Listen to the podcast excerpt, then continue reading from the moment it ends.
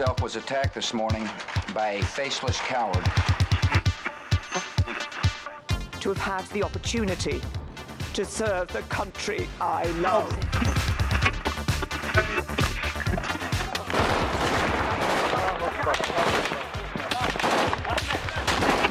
Den Einsatz für Frieden und Freiheit in Deutschland, in Europa und in der Welt.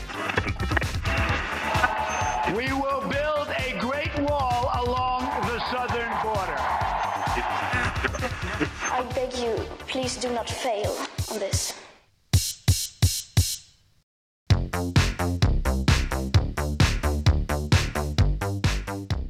Góðan dag, kæru hlustendur, þið eru að hlusta á sérstakann sumarþátt heimskviða. Ég heiti Guðmundur Björn Þorbjörnsson.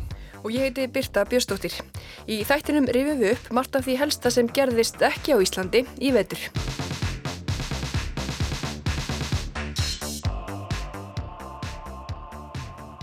Þemaði þessum síðasta sumarþætti heimskviða er mið-Östurlönd.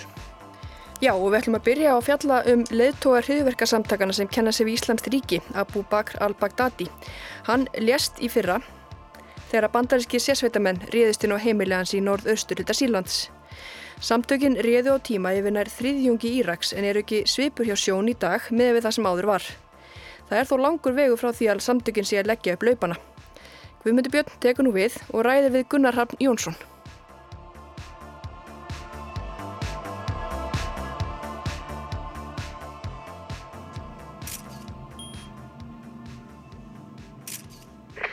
This is Red Zero Two.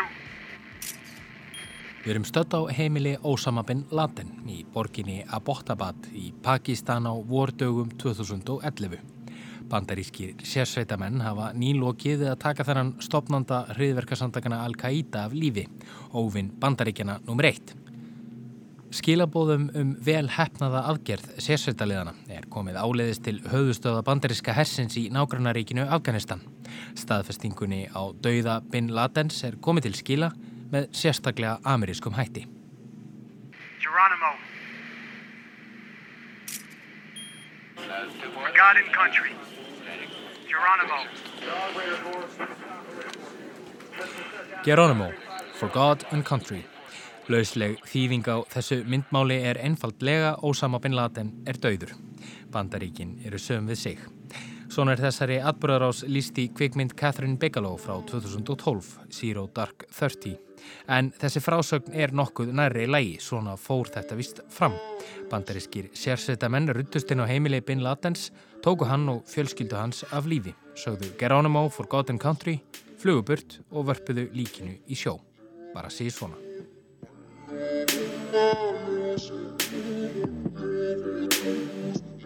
Og þessi saga er ekki einstami, ó nei. Í síðustu viku fór svipuð aðgerð fram þegar sérsveitamenn bandaríska hersins reyðust að leðtoga annara hriðverkasamtaka á heimili hans í norð-vesturluta Sýrlands. Samtök þessi hafa verið kölluð ímsum nöfnum. Íslamska ríkið, Daesh, samtökin sem kenna sig við Íslamst ríki, Ísil og hvað eina. Hér eftir verða þau kölluð ISIS til hæðarauka. Skamstöðnin sem var uppháðlega nótuð í fjölmjölum þegar samtökin fóru að láta það sér kveða fyrir nokkrum árum. Og leiðtógin, hinn fallni, er Abu Bakr al-Baghdadi, maðurinn sem ber höfuð ábyrð bæði á uppgangi og ógnarstjórn ISIS í Írak og Sýrlandi síðustu ár og öldu hriðverka árása í hinnum vestræna heimi, meðal annars í París og Brussel, þar sem yfir hundrað manns letu lífið. Og fyrst hann er horfin út á hafsauga eins og kollegi hans Bin Laden, er þá hægt að vona að allur vindur sé úr ISIS og mannskeðar hriðverka árásir og ógnarstjórn heyri sögunni til. Nei, það er líklega ekki svo, en það ásagan það til að endurtaka sig.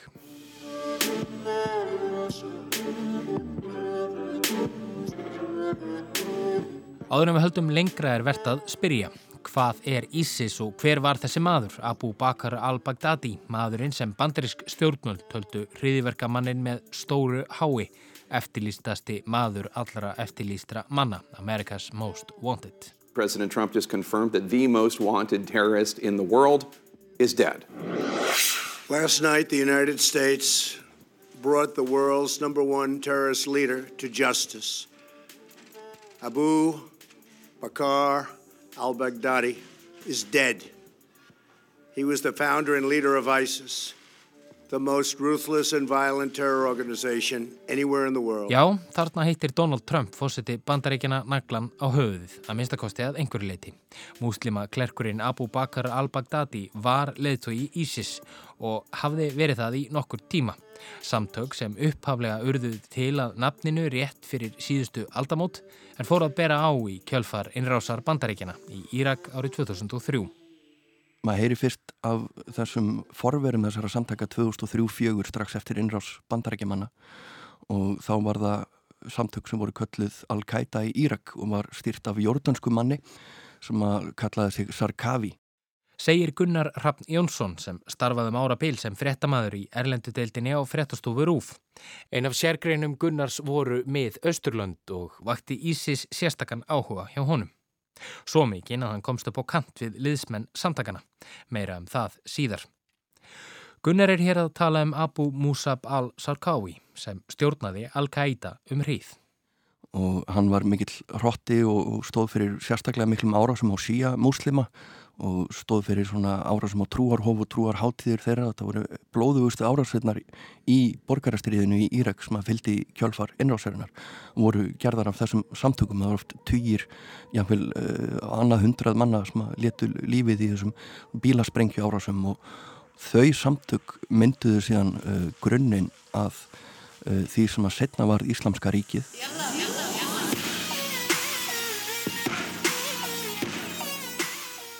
Það var þá ekki fyrir einn bandaríkjaher, hann tók stóran hóp af fólki ímsum andstæðingum bandaríkjana í Írak og kom fyrir í fangabúðum sem nefndar voru Camp Buka og voru starfræktar í söðausturluta Íraks allt til ásins 2009 sem Ísis fór að taka á sig mynd. Í Camp Buka komu saman til að mynda margir af fyrirverandi hermönum Saddams Hussein, Al-Qaida-leðar og aðrir herskáir íslamistar. Þar bundust þeir vanheilagu bandalagi í raun og veru og þar er það sem að þessi maður sem var veginn um daginn uh, Bagdadi uh, í raun og veru fyrst kemur inn í þessa mynd og kynnist uh, þessu fólki og byrjar að að samina fólk úr ólíkum áttum uh, sem að setna varð kjarnin að Ísis. Al-Baghdadi var sem sagt í Camp Buka fangabórum en fyrir þann tíma hafði hann verið klerkur í Mosku í Bagdad þar sem lítið fór fyrir honum. Ímsum sögum fer að því hvers vegna bandaríki herr ákvaða að senda hann í fangabóðunar en ljóst er að Bagdadi hafði nokkuð rótækar skoðanir sem samræmdust ekki hugmyndum bandaríkjamanna um hverslas menna þetta ganga lausir í Írak. Al-Baghdadi sem áður hétt Ibrahim al-Samari og fættist hann 28. júli 1971 var nefnilega vel kunnur þeirri harðlínu tólkun á kóraninum sem stundum er kölluð vahabíismi og á rætur sínar að reykja til Sáti Arabíu. Þessi hugmyndafræði gengur út á íhaldsama hreintrúarstefnu og er enn í dag svo ofinbæra hugmyndafræði og tólkun á kóraninum sem kendi er í Sáti Arabíu, hennu ríkasta og valdamesta ríkis Arapaheimsins. Sumir ganga svo langt að ekki sé hægt að skilja Ísis án þess að skilja vahabíisma. Vahabismi og salafismi er þessi raun frekar eitraða útgafa af Íslam sem verður til í Sáti Arabíu bara á 19. öld. Eh, raun setni tíma fyrirbæri og eh, snýstum í raun og veru bara útrýma öllum sem ekki eru sammála þeim og það er þessi vahabismi sem er grunnurinn að þessum jihadisma eða svona í íslamskum hriðjöfuskum eins og við þekkjum þau Uh, og þessir uh, tveir pólar eru raun og verið það sem að, að, að saminar, saminast þarna í, í þessum samtökum segir Gunnar Rapp og í Kampbúka hittir Al-Baghdadi fyrir sína líka menn sem aðhyllast sömu hugmyndafræði en búa einnig yfir veigamikli þekkingu á hernaði. Til einföldunar má segja að Ísis hafi upphaflega verið nokkus konar undirdelt Al-Qaida í Írak, deilt sem Al-Baghdadi tekur fórustu fyrir í mæ 2010.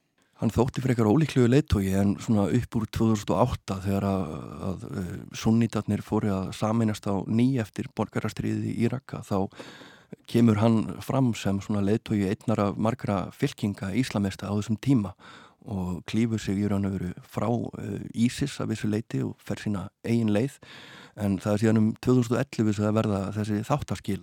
Þáttaskilin sem Gunnar talar um eru auðvitað títnend borgarastyrjöld í Sýrlandi, stríð sem ennstendur yfir og fjallað hefur verið um ítarlega í heimskviðum. Átökin hafðu þarna tekt ánga sína alla leið yfir írösku landamærin og þá skapaðist dauðafæri fyrir Ísis að láta til sín taka. opið land í Sýrlandi að því að eh, stjórnarherrin var mjög veikur fyrir á þessum tíma og þeir gáttu bara valsað inn, tekið fullt af eh, herrgögnum sem aðeins síðan snýru við og fóru með afturinn í Irak og þar gáttu þau runni ennþá meiri sigra á mjög veikum stjórnarherr sem þar var með þessum þungavopnum og með aðstóð þessara fyrirhandi Hermanna Saddam sem þeir kynntust í búka fangabúðunum. Að eh, þar komu þeirra góðum nótum gáttu brúka þessar skriðdrekka og, og langdrægu vopn. Og það er einhverju snýr þessu algjörlega við að, að þessi með uh, þessi landamæri opinn hérna millir þessar tvekja landa og samtökin verða til svona á þessum tíma 2011-12 þarna á landamærunum þar sem þeir byrja að sölsa undir sig landsvæði og, og mynda vísin af þessu kalifadæmi sem þeir lýsa síðan yfir 2014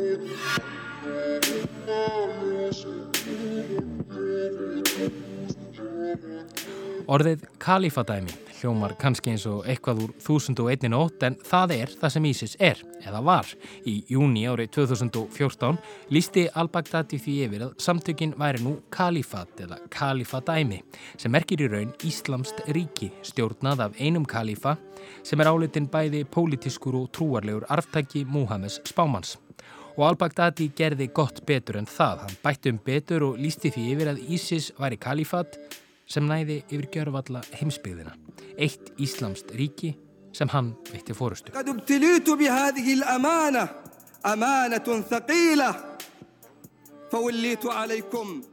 Þegar hann kemur í fyrsta sinn fram og síðasta sinn fram ofinbellega í Moskvu í íraksku borginni Mosul, 2 miljón manna borg sem riður þá yfir og lýsir yfir uh, kalifadæminu.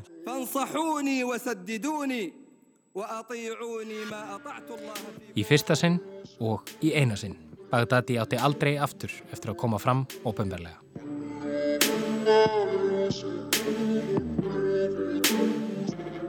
Og þarna var uppgangur Ísis rétt að hefjast þessara samtaka eða kalifadæmis, ríkis eða hvað þið vilja kalla það, sem að hábúndi sínum reði yfir gríðar stóru landsvæði frá vesturluta Íraks yfir í austurluta Sýrlands, þar sem á bylnu 8 til 12 miljónir, ég endur tek 8 til 12 miljónir manna voru á þeirra valdi. Og lífið á þessu svæði undir stjórn Ísis og al-Baghdadis var tölvört ólíkt því sem áður var. Þeir sem ekki hlítu skipunum voru hýttir ofinberlega, fjölmarkir karlmenn látnir vinna í þrælkunar vinnu og konur sendar í kynlífsánuð. Þá voru ofinberar aftökur daglegt brauð. Gunnar Rapp nefndi áðan að Hagur Ísis vangaðist þegar samtökinn komust yfir landamærin til Sýrlands og náðu að viðbúast. Í kjölfarið við komuna til Íraks tókst þeim einnig að hrekja íraska herin á brott af stórum svæðum. Herin var illa þjálfaður en það höfðu bandarækjumenn skiptum hermenn í íraska hernum. Stærsti sigur þeirra vannst í borginni Mosul, einni stærstu borg Íraks, dagana 4. til 10. júni 2014. Í Mosul var kannski svona stærsti Eh, bardaginn þar sem að gengur stór sandstormur yfir borgina og uh, reynlega með SMS-sendingum byrja liðsmenn Ísis að áreita hermenn sem eru þarna stati sem eru síja muslimar og illa þjálfaðir og segja að þeir séu að koma og þeir séu að koma í sandinum og ætla að myrða það og, og síðan koma þeir og byrja að skjóta einhverjum eldflögum þarna í, í, í engu skikni og þær springa á borgarveggjónum og þeir bara lögða flótta í ræski herin, bara flúði borgina og, og hérna þegar sandurinn var farin að sá að menn, þetta voru ekki bara nema nokkur þúsund uh, menn, ræður, illa vopnaðar ísismenn sem hafðu bara skapað svo mikið nótta að menn fóru bara og skildu eftir vopnabúr og margar miljónir í gulli þarna í bankanum og ég veit ekki hvað Í kjölfarið komst Ísis yfir ólíulindir og fjársvelt ríkistjótt Bashar al-Assads sírlandsfósetta var meira að segja nauðbeigð til að vinna með Ísisliðum og hjálpa þeim að koma ólíun í verð. Tyrkir hafa einnig verið grunaður um að hafa haft milligöngu um ólíuðiskipti Ísis. En hugmyndafræði Ísis var ekki aðeins sterk í Írak og Sýrlandi, heldur náði út um heim allan. Fjölmarkir vígamanna samtakana komu ekki frá miðausturlöndum, heldur frá vestrænum ríkjum eins og Belgíu, Fraklandi, Breitlandi og meira að segja Ástralju. Menn sem voru tilbúinir að berjast og deyja fyrir málstað kalifadæmisins. Þá eru einnig ófá hriðverkin utan mið Östurlanda sem Ísis bar ábyrð á. Meðal annars árasetnar á næturklúpi í París í november 2015 þar sem 131 saklaus borgari let lífið og þann 22. mars í Brussel þar sem 32 saklausir borgarar letust í árásum á Saventem flugvelli og lestarstöð í borginni. Hvernig ósköpunum náðu samtökin svo mikill í útbreyslu. Þetta er svolítið svo vinkill sem að vakti áhuga minn á samtökunum til að byrja með. Ég byrjaði að fylgjast með þeim þegar þau komu svona fyrst almeinlega fram á sjónasviði sem áróðursafl. Því að uh, þá vissi maður að það væri eitthvað uh, meira í gangi heldur en bara að reyna að ná ákveðinu landsvæði í Sýrlandi þetta var alþjóli reyfing. Það sem var verið að óska ekki bara eftir vígamönnum ellendis frá til að koma og aðstóða í Sýrlandi heldur til að fremja eins og þú segir árásir á erlendri grundu og, og týjir landa þar sem er talið að Ísis menn með beinum eða óbeinum hætti hafi staðið að baki riðiverkum. Þeir hafa kallað þetta notað hugtakur og hugbúnað að gera um kallast open source þeir hafa kallað þetta open source jihad þeir hennilega gefa þeir upplýsingarnar og við dreifa út um allt mjög öflugum bæklingum og áróriðum með nákvæmum leiðbenningum um hvernig ég að framkvæma riðiverk og skotmörku jáfnvel sem eru þeim hugnanleg. Íslamska ríkið var með öðrum orðum mjög nútímalegt í aðferðum sínum, allavega þegar að komað áróðusherrferðum. Þeir notuðu samfélagsmiðla og nýjustu tækni og gáfu meðal annars út app. Gunnar segir að þessi aðferð að nota internetið og skugga hliðar þess hafi dreyið úr möguleikum leinithjónustu til að hafa upp á fylgjendum Ísis því bein samskipti áttu sér sjálfnast staðvilli Ísis liða og tilvonandi meðlima. Sem dæmi má nefna stjórnaði sami maðurinn áróðusmiðlum Ísis og skipulaði árásir þeirra á erlendri grundu. Bísi.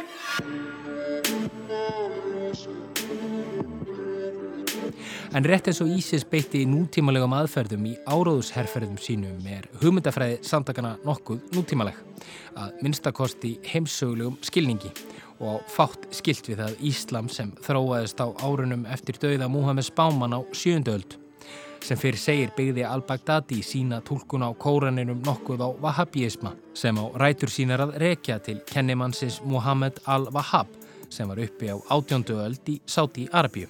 Hann bóði íhaldsamar og ósveianlegar tólkanir á kóraninum sem festust í Sessi í Sáti Arabíu þegar Al-Wahhab myndaði bandalag með Muhammed ibn Sád fyrsta. Þetta er því nokkur skonar bókstafstrú. Það kann vist aldrei góðri lukku að stýra að lesa trúarteksta bókstaflega og líta þannig framhjá hinnum raunverulega bóðskap sem getur ju verið góður og fagur. Það gildir um flest trúarbröð Og til fróðlegs má nefna að bókstafstrú innan kristninar vaknar sömuleiði sem svipað leiti í bandaríkjunum. En það er önnur saga.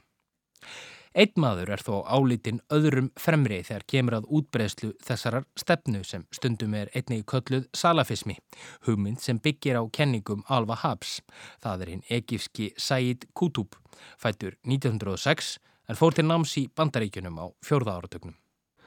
Og sér þar konur og kallar drekka saman áfengi ofinberlega á börum og sér konur bera, með bera fótleggi og, og telur bara að hann sé að sjá þarna yfirvöðandi fall seðmenningar og fer heim til Egiptalands og skrifar mikinn texta um það að múslimar verði að vera síðastir til að standa gegn þessu yfirvöðandi falli seðmenningar sé að sé um allan heim að grafa um sig í nafni eh, veraldarhyggju og sekularisma Hann segir að ef að múslimar standi ekki vörðum sin eigin haga þá munir fara eins fyrir þeim eins og munir fara fyrir öllum öðrum. Og það er þessi hugmyndafræði sem flestir herskáir íslamistar tengja við, hugmyndafræði sem er komin langt frá kóraninum og þeim opimberunum sem skrásettar voru á sjöndöld í allt öðru samfélagi og í allt annari heimsmynd en fyrir finnst í nútíma fjölmenningarsamfélagi. Þetta er nútíma hugmyndafræði, þetta er viðbröð við nútímanum þetta er viðbröð við veraldarhyggju og sekularisma 20. og 21. aldarinnar þessi hugmyndafræði kannski þetta líkinni daldi við þessu öfga allt rætt sem hefur verið kölluð öfga hægri hyggja í, í bandaríkjónum eða er í raun og veru bara svona íkt þjóðurnishyggja og uh, matsjóvismi, þetta er raun og veru svona karlæg uh, íhaldsemi sem að snýstum að, að forna þeim breytingu að, og samfélagsmyndstir sem er að verða allt í kringum okkur, forna samkynneið uh, líta á það sem óeðlis að þurfa að losa úr samfélaginu forna kvenréttindum og öllu sem hefur ávinnist þar og ég raun og veru bara gleima þessu prótjekti sem að nútímin er og þetta er sterk alþjóðlega reyfing sem á sér byrtingamyndir bæði á spjallarásum ungra uh, vestrætna drengja á netinu og í sprengju glöðum brjálæðingum hinum einu á nettin.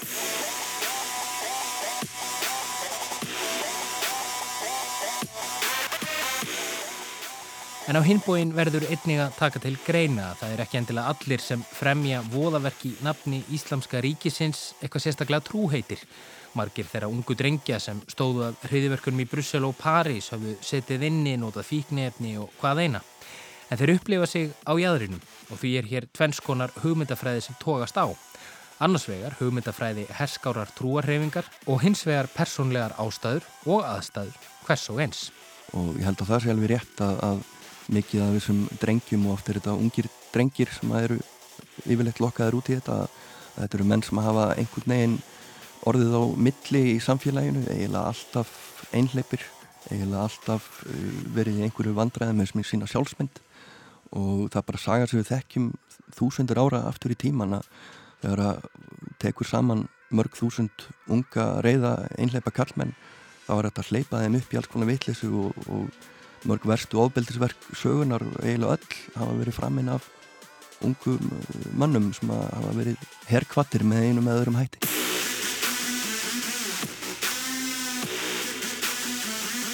En Adam var ekki lengi í paradís og þótt Ísis hafi ekki formlega lagt upp laupana eru samtökin ekki sveipur hjá sjón með því hvernig þau voru fyrir nokkurum árum. Frá því um mitt ár 2014 höfðu bandaríski herin og bandamenn þeirra barist gegn vígamönnum samtakana sem tók sinn toll. Árið 2017 mistu samtökin borgina Mósul í hendur íraska hersins og í kjölfarið mistu þau rakka, höfuð víi sitt í Sýrlandi til herseita sýrlenskra uppreisnamanna. Í november 2017 greindi bandaríski herin frá því að yfiráðarsvæði Ísis væri komið niður í 2% af því sem það hafði verið þegar það var sem stærst. Stóra tilkynningin kom svo í desember sama ár þegar Haider al-Abadi, fórsetis ráþæra Íraks, tilkynnti að íraskar hersveitir hefðu rakið síðustu vígamenn Ísis úr landinu þremur árum eftir að Ísis hafði valda á rúmlega 30% af svæði landsins. Síðan þá hefur lítið farið fyrir samtökunum. Starfsemi þeirra er því gjör breytt, en þeir eru þarna ennþá, einhver staðar, til að mynda á netinu þótt bissukvellinir séu ekki eins háverir. Maður veit að hugmyndafræðin er til staðar og eins og ég sagði aðan þá þartu ekkert net, tengslanett, þú þarfst ekki að hafa bein tengslu mennina sem fremja árásveitnar. Það gæti alveg verið einhver 10-20 manna hópur einhver staður út í heimi að skipulegja Ísis árás þess að hafa nokkuð tíma að tala við nokkurn í Sýrlandi eða neitt sem tengist Ísis með beinum hætti. Þeir hafa bara lesið fréttabrifið, uh, hala niður upp, spreng, sprengju uppskriftum og uh, valið sér eitthvað skotmark sem Ísis bendir á.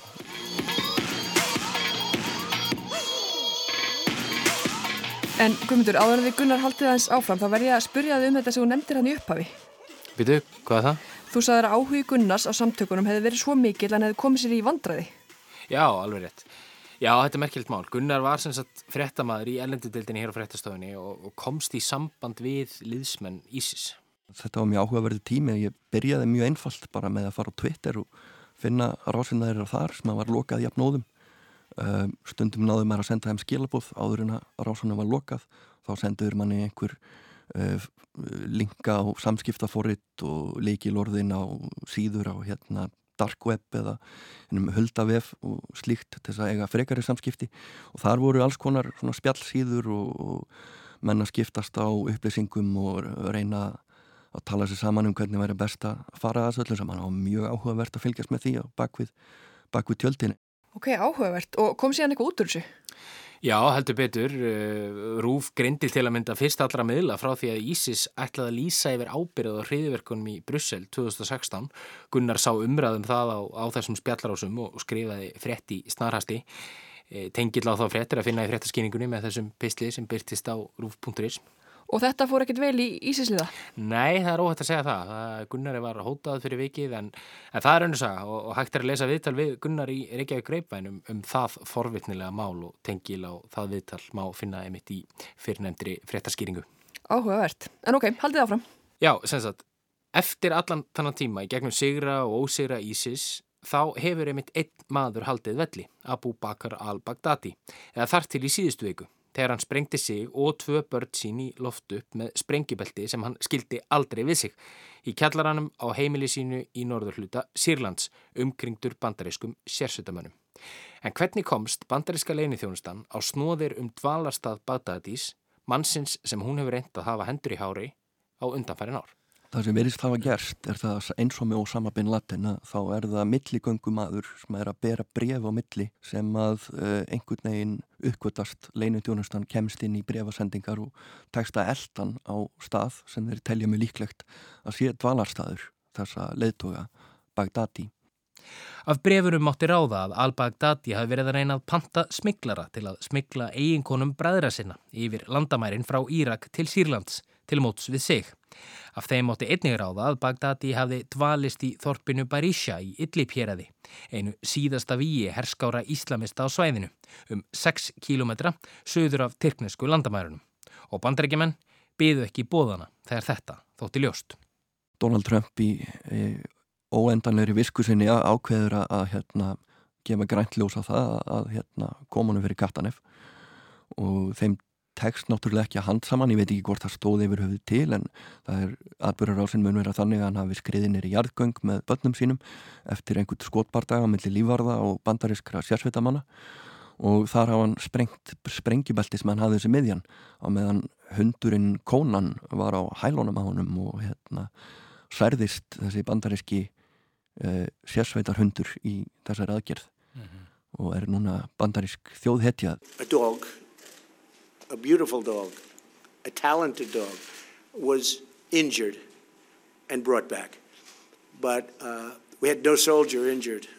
And Trump ákvaða að rúfa uh, leind um nafn og útlitt hundsins byrti mynda á honum og bauði honum í kvítahúsið þegar hann er búin að ná sér af, af hérna af sárum sínum. Trump veriðist þó eiga blendið samband við hunda því emitt svona lísti hann dauða al-Baghdadis nokkrum mínútum áður. He died like a dog. He died like a coward. The world is now a much safer place. En þótt al-Baghdadi sé allur og hvernig sem hann kann að hafa borið sig á dánarbeðinu er ekki þar með sagt að ISIS sé búið að segja sitt síðasta. Eða hvað? Það er náttúrulega þessi menn gufuð ekkit upp þessi menn eru ennþá til og hugmyndafræðin er ennþá til og það eru margir sem aðvillast henni. Og þessir menn sem Gunnar talar um eru bæði í Írak og Sýrlandi. Fjölmarkir þar aðvillast enn hugmyndafræði Ísis. Meðal þeirra eru sveitir hermana sem eru í bandalagi með Tyrkjum, vígamenn sem stopna nýjið samtök og endurskepulegja sig eins oft og þeir skipta um sokka að þetta eru mikið uppkjafahermenn úr Al-Qaida og ISIS og tengdum samtökum. Þetta eru endurskipulaðar sveitir sem að heita bara í staðin fyrir her alla þá er það alla herin, skilur þetta er eins og í, eins og í Life of Brian myndinni. Thanks Rich. Are you the Judean People's Front? Fuck off. What? Judean People's Front? The People's Front of Judea. Judean People's Front.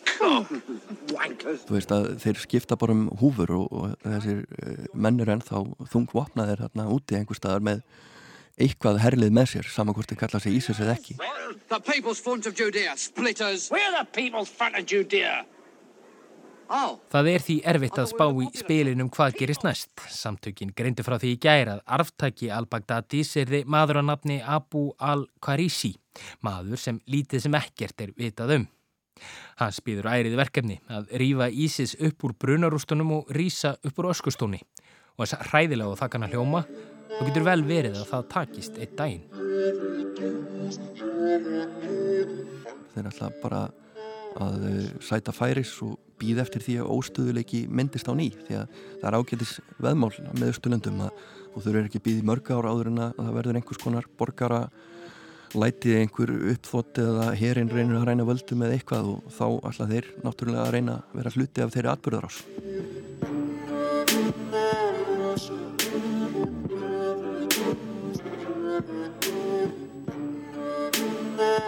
Og þannig gengur sagan, hún fer í ringi og liðin tími verðist alltaf snú aftur í einhverju mynd. Sagan endur tekur sig og tíminn býtur því í bakið. Efnahagshrun koma aftur, alkoholistinn byrjar aftur að drekka og einmanna og ringleðir karlmenn mun áfram fremja voðaverki í nafni trúar eða einhverjar annarar hugmyndafræði, sama hvað þeir kalla sig. Og það er erfitt að stoppa það. Hvað var þar reyfingar rótækra og herskára íslamista eins og ISIS og Al-Qaida og útbreyslu þeirrar hugmyndafræði segir Gunnar þó að rót vandans sé að finna þar sem sjálfnast er leitað að henni. Bílinn í stofun er náttúrulega Sáti Arbíja í þessu öllu saman. Mikið af peningunum og hugmyndarafræðinni kemur frá Sáti Arbíju og líka mennirnir og, og þar eru þetta vinsæl samtök, skilur við. Þetta er þeirra hugmyndafræði sem að gegn sýrir þessi hriðiverk. Það er Sáti Arbíska hugmyndafræðin sem að þeir hafa breytt út um allan heim krafti ólíöðis. Það er að upprætta hriðiverka netið um allan heim þá þarf það að byrja á þeirri hugmyndafræði sem er ofinberi í Sáti Arbíu og er breytt út í krafti ólíðus. Það, aftur á móti, gæti reynst þrautinn þingri. Blessunarlega er þó lang stærstur meiri hluti þegar að tæplega tvekja miljardar muslima fríðelskandi fólk sem trúir á miskun saman Guð.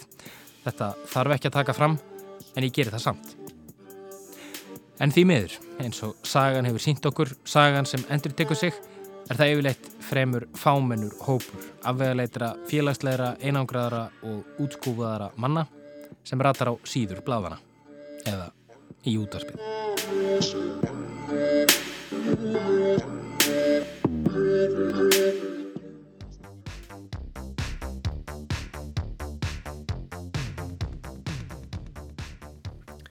við ætlum að halda okkur í með Östurlöndum og við komum aðeins inn á Sáti Arabíu í lókin á þessum síðasta, síðasta pistli en tveir af hæst settu mönnum konungsfjölskyldunar í Sáti Arabíu voru handteknir í vetur. Báðir eiga þeir tilkall til krúlunar samkvæmt hefðum og annar þeirra er bróðir sjálfs Salmans konungs. Á sama tíma eiga sátar í óljuverstrið við russa og ríkin er eins konar störukeppni sem geti haft viðtækar afleðingar. Það var Ólufur Ragnarstóttir sem fluttið þennan pistil úr sótkví í vetur.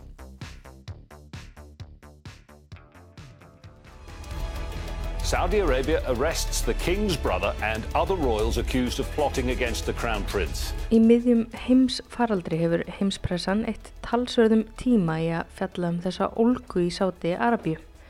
En það er þetta alls ekkert smá mál. Það er ekki á hverjum degi sem bróðir Salmans bin Abdulaziz al-Saud, betur þögtur sem Salman konungur, er handtekinn á samt frændaðira. Báðir voru afar hátt settir innan al-Saud konungsfjölskyldunar sem ræður öllu í landinu. Mohammed bin Nayef prins, frendin sem var handtekinn, var um tíma næstur í rauðinni til þess að verða konungur landsins. En það var í júni árið 2017 sem Salman konungur gaf út tilskipun þess efnis að sonur hans, Mohammed bin Salman, taki við embættum bin Nayef innan stjórnkerfisins og verði krónprins Sáti Arabíu. En hvers vegna voru þessir ágætu menn handteknir? What's prompted it is very difficult to ascertain, needless to say, because Saudi is a very closed culture in terms of lack of transparency and uh, no media freedom there. But also what's peculiar... Það er erfitt að segja til um það, segir Jamal El-Shayel, fréttaritari Al Jazeera. Sáti Arabíu er lokaland, það fer lítið fyrir gagsægi í stjórnkerfinu og engir frálsir fjölmiðlar er að störfum í landinu. Það getur um eitt oft reynst krefjandi að segja fréttir frá Sáti Arabíu, ekki síst í sjónvarpi. Nefn að þeir séu um eitthvað sem yfirvöldi Sáti Arabíu vilja dreifa sem víðast. Til dæmis þegar konur fengu loks að keira bíl þær í landi fyrir tveimur árum, hrúaðist inn myndefni frá þessum gleðitegi en þegar önnur og óþægilegri mál er í gangi berst lítið sem ekkert frá konungstæminu. Og það sama á við um þetta mál, konungsfjörskildan, hefur ekkert tjáð sig um það ofinbella. En þeim konungsbróðurnum og frenda er gert að sög að hafa verið að plotta það að steipa krónprinsinum af stóli. En hversu stórt er þetta mál? In terms of its significance, it's huge because we're talking about two of the most senior members of the Saudi royal family and two that up until now have not been seen as supporters of Crown Prince Mohammed bin Salman and the direction that he's been taking the country both domestically and in terms of foreign policy. Jamal El-Sayel segir ljóst að þetta sé stórmál og afar þýðingamikið. Tveir af hæst settu mönnum innan konungsfjölskyldunar handtegnir og einmitt menn sem hafa ekki verið miklir stuðningsmenn krónprinsins Mohammed bin Salman. Báðir hafa þeir endar verið í stofufangelsi í solindin tíma, svo ekki hafa þeir geta mikið leikið lausum hala.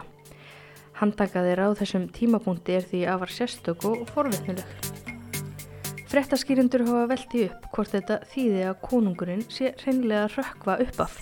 Hann hefur verið veikur í mörg ár og þýðir þetta kannski að sonur hans sé að drífa í því að koma þessum frendum sínum sem samkvæmt hefðum eiga tilkall til krúnunar á bakvið lásoslám svo það standi færri eða engin í vegi fyrir honum að verða næsti konungur Sáti Arabíu. Frá því Mohammed bin Salman tók við embætti krónprins hefur hann komið í kring talsverðum breytingum í landinu sem eru ekki óumdeldar. Hann segist vilja sker upp herur gegn spillingu. Eitt af hans fyrstu verkum 2017 var að láta handtaka hundruð prinsa og viðskiptamanna. Það fór reyndar ekkert mjög illa um þá handteknu þeir voru í stofufangelsi á fimmstjörnu hóteli og var flestum þeirra sleft eftir að þeir letu af hendi stóran hluta auðafa sinna og eigna. Margir vilja meina að þetta hafi meira verið sjónarspill. Ali Al-Ahmed, forstuðumadur Gulf Affairs Institute sem sjálfur hefur verið pólitískur fangi í heimalandi sínu Sáti-Arabíu, segir í viðtali við frettaskýringaþátt Al Jazeera að markmið krónprinsins sé einfalt að endurskipulegja stjórnkerfið eins og að leggur sig. That's part of the plan in fact that to create a new system based on what we call a vertical uh, uh, process where the, the rule goes from father to son and that will start with Mohammed bin Salman. Uh, now his father is giving him uh, uh, the throne and then he will do that to his own son. Sem sagt að eiga breyta kerfinu þannig að völdin færist frá föður til sonar fremur en innan alsa út stór fjölskyldunar sem er jú gríðar stór. Hún telur um 15.000 manns. Ágætis ættamót það. So in, to, in order to achieve that, we, they need to clean house and strip uh, down the monarchy to a bare minimum to, to, uh, to basically to what we, people call a Salman uh, ruling family, not Al Saud. Valdið verði ekki lengur innan Al Saud fjölskyldunar heldur alfarið hjá Salman fjölskyldunni. Ali Al-Ahmed segir að breytingarnar séu vel á veg komnar. Áður hafi valdinu verið dreift innan stórfjölskyldunar á milli nokkura svo kallara valda stöðva. Now there is only a power center, one power center, that's Mohammed bin Salman that has control of the military, security, the economy and, and, and, and the royal court. Nú er eins ein valdastöð, segir hann, það er Mohammed bin Salman sem stjórnar hernum, öryggisveitum, efnahagskerfinu og konunglega domstólnum.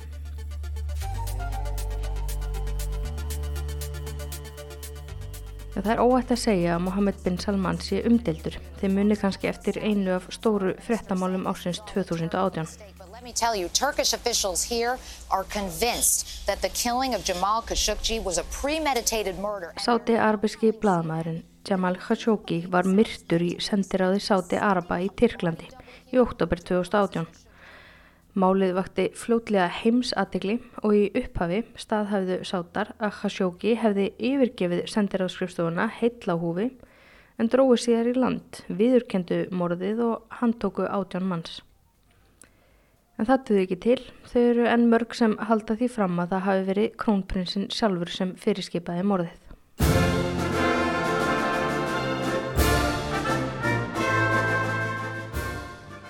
Og það er fleira að fretta frá Sáti Arabíu um þessar myndir. Nýlega braust út óljuverðstrið á milli Sáti Arabíu og Rúslands. Síðustu þrjú ár hafa þessi tvö ríki unnið saman eða öllu heldur Rúsland unnið með OPEC samtökum óljuframleysluríkja sem eru leitt af Sáti Arabíu að því að halda óljuverði uppi.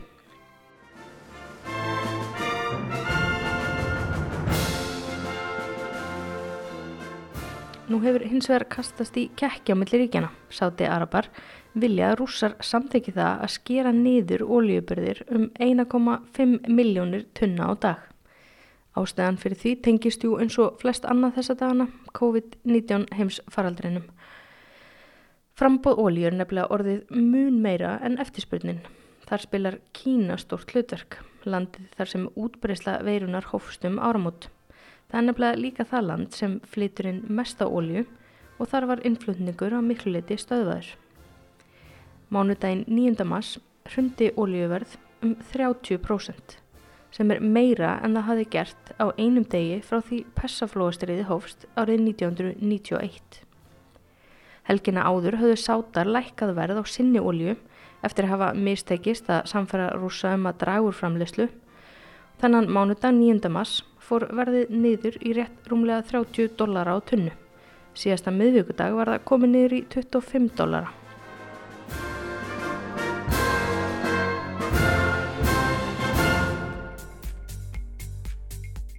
Bandaríski fjárfestingabankin Goldman Sachs spáir því að verð á ólíutunnu geti farið alveg niður í 20 dólara. En til þess að allt gangi smurt í Sáti Arabíu þar sem fjárhagur landsins stendur og fellur að mestu leiti með ólíu þarf verðið að vera mun herra eða í kringum 82 dólara á tunnu.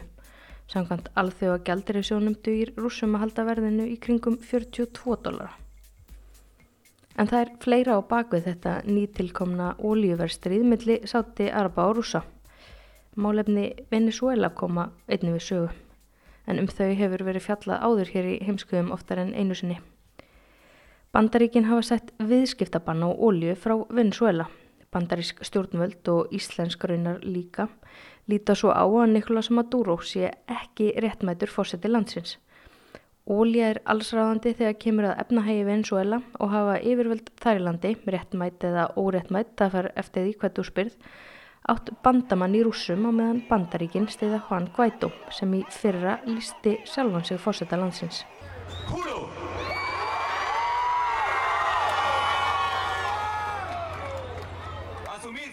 Í síðasta mánuði gengu bandarísk stjórnvöld svo enn lengra og ákvaða að setja óljufélagið Rosneft Trading sem er í eigu rúsneska stjórnvalda á svartan lista. Rosneft Trading hefur nefnilega lagt talsvert fíi í hinn ymsu verkefni í Venezuela og lánað starsta óljufélagi landsins umtalsverða fjármunni. Og hvað kemur það verðstriði rúsa og sáti araba við? Jú, yfirvöld í Rúslandi vildu fá sáta með sér í lið gegn bandaríkanum en það hefur ekki gengið neitt sérstaklega vel.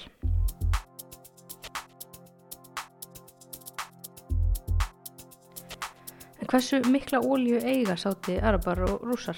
Í sáti arabíu koma 80% tekna ríkisins af fráólju. Gjaldarisforði sáti arabíu er ansi veglegur og telja sérfræðingar að ríkið sé í stakk búið að takast á við óljuverstrið en aðeins í takmarkaðan tíma. Óljufyrirtækið Aramco, einni þekkt sem Saudi Arabian Oil Company, er eitt tekjuhæsta fyrirtæki heims ef ekki það tekjuhæsta. Í síðustu viku fjall vísitala Aramco um 12%.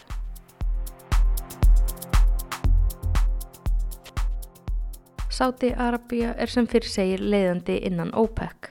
13 ríki eru aðeilara samtökunum, 5 í miðausturlöndum, 7 Afrikuríki og 1 í Suður Ameríku. Eftir því sem næst verður komist framlega þessi 13 ríki tæplega helming allarar ólíu í heiminum. Þá setja þau saman að rúmlega 80% allara ólíubyrða heimsins. Þar á Sáti Arabia næst mestar ólíubyrðir af ríkim heimsins á eftir Venezuela. En þegar kemur að ólíu framleiðslu framleiða Sátar næst mest og rússar fylgja fast á hæla þeirra. Rúsland er ekki aðilega OPEC en ríkið hefur samt sem áður tekið þátt í sumum fundum samtakana síðustu ár og þótt að sé ekki langt á milli Rúslands og sáti arbíu þegar kemur að framleiðslu magni þá munar talsvert í framleiðslu kostnaði. Sáti arabar geta nefnilega framleitt eina tunnu á 3 dólara á meðan það kostar rúsa um 30 dólara. En hvernig endar þetta verðstrið þá eftir að koma í ljós en sérfæðingar líkaði sömur við hænsnaslag?